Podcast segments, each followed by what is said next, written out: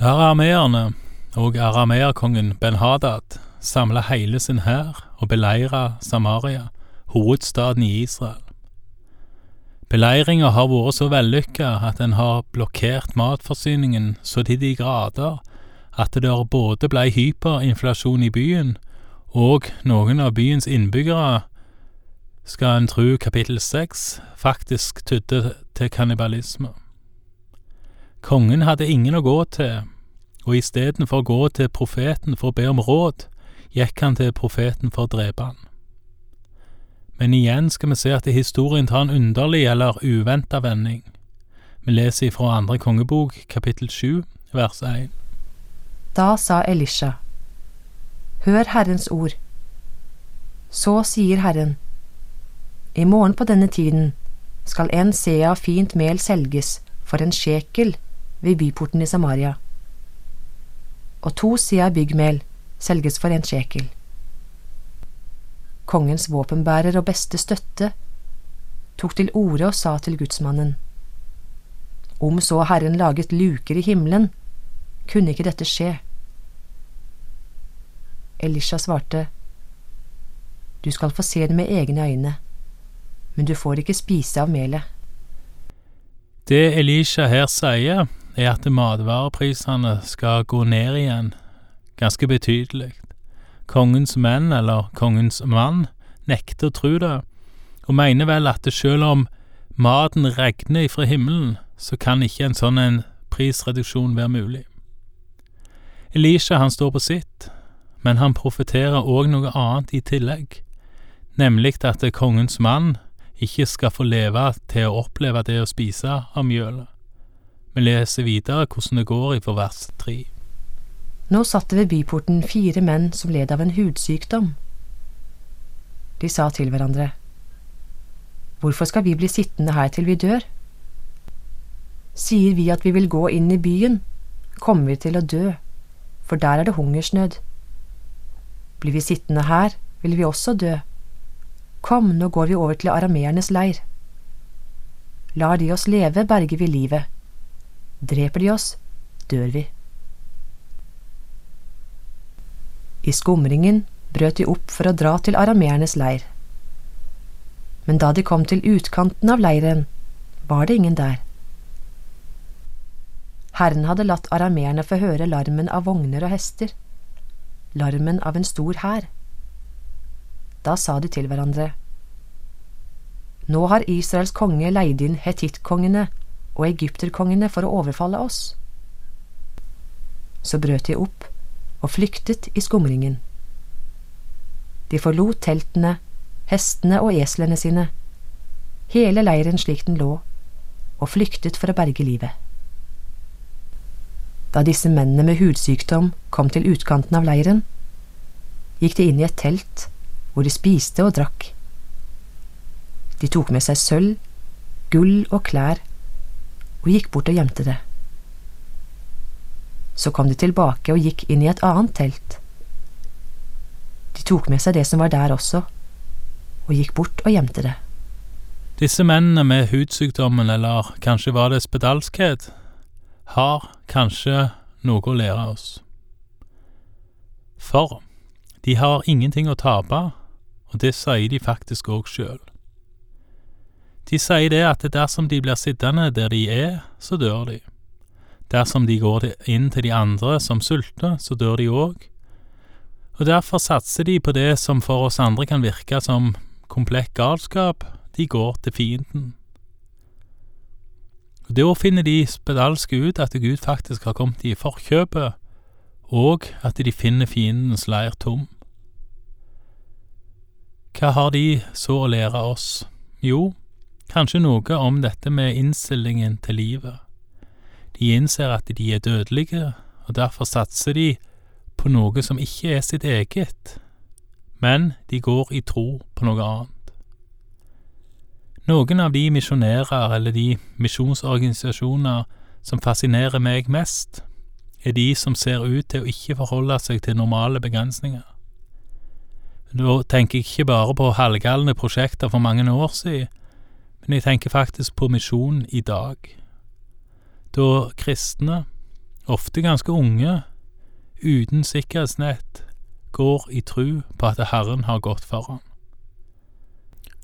Så kan en selvfølgelig problematisere det og si at det ikke er noe galt i å ha et sikkerhetsnett som fast inntekt eller privat bolig, og det er det jo ingenting galt i.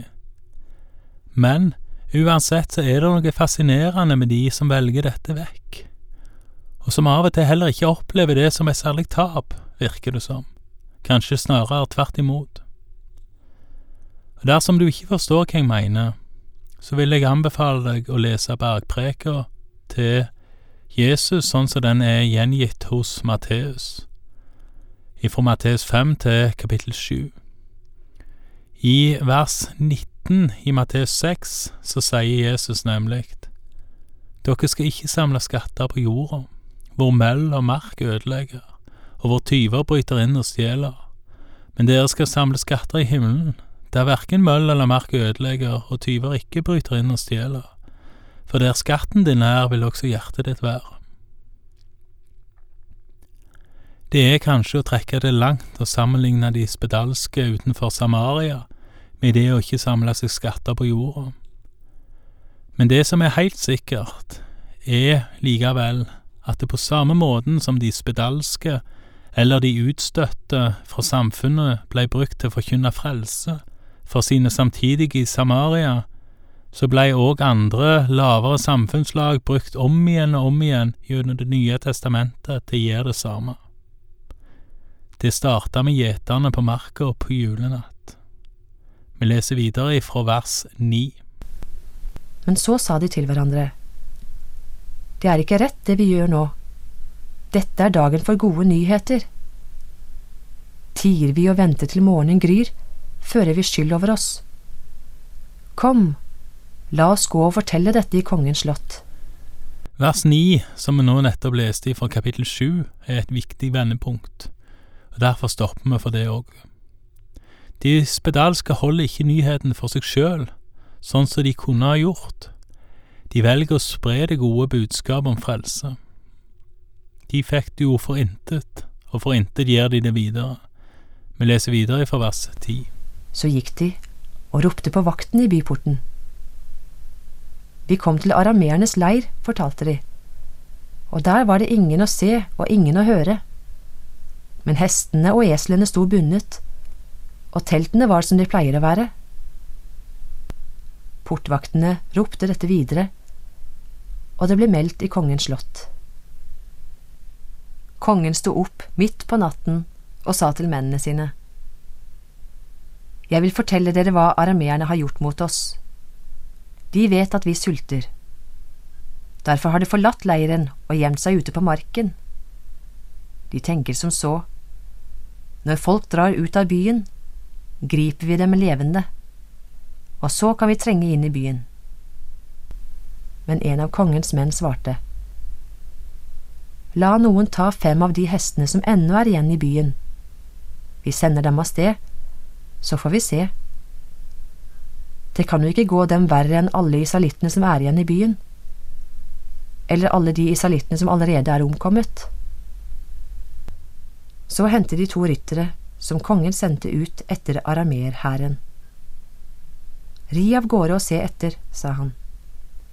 De fulgte etter arameerne, helt til Jordan, og hele veien lå det fullt av klær og annet utstyr som arameerne hadde kastet fra seg da de flyktet. Sendebudene kom tilbake og meldte dette til kongen. Sjøl om kongen trodde det var ei felle, så viser det seg at det var det ikke. Og nå kan festen begynne, men ikke for alle. Vi leser videre fra vers 16. Da dro folket ut og plyndret arameernes leir. Og det gikk som Herren hadde sagt. En sea fint mel ble solgt for en sjekel, og to sea byggmel for en sjekel. Kongen hadde satt sin våpenbærer og beste støtte til å ha oppsyn med byporten, men folkemengden trampet ham i hjel i porten. Det gikk som gudsmannen hadde sagt den gangen kongen kom til ham. Da sa han jo til kongen, I morgen på denne tiden skal to sea byggmel selges for en sjekel ved byporten i Samaria, og én sea fint mel selges for en sjekel. Da tok kongens våpenbærer til orde og sa til gudsmannen, Om så Herren laget luker i himmelen, kunne ikke slikt skje. Men gudsmannen svarte, Du skal få se det med egne øyne, men du får ikke spise av melet. Og slik gikk det altså med ham. Folkemengden trampet ham i hjel i byporten. Og der stopper historien om arameerkongens beleiring av Samaria i Nordriket. Historien stopper med glede for de mange, men dom og død over én. Kongens våpendrager, som ikke trodde på profetien om at maten skulle bli billigere, han måtte betale med livet for sin vantro.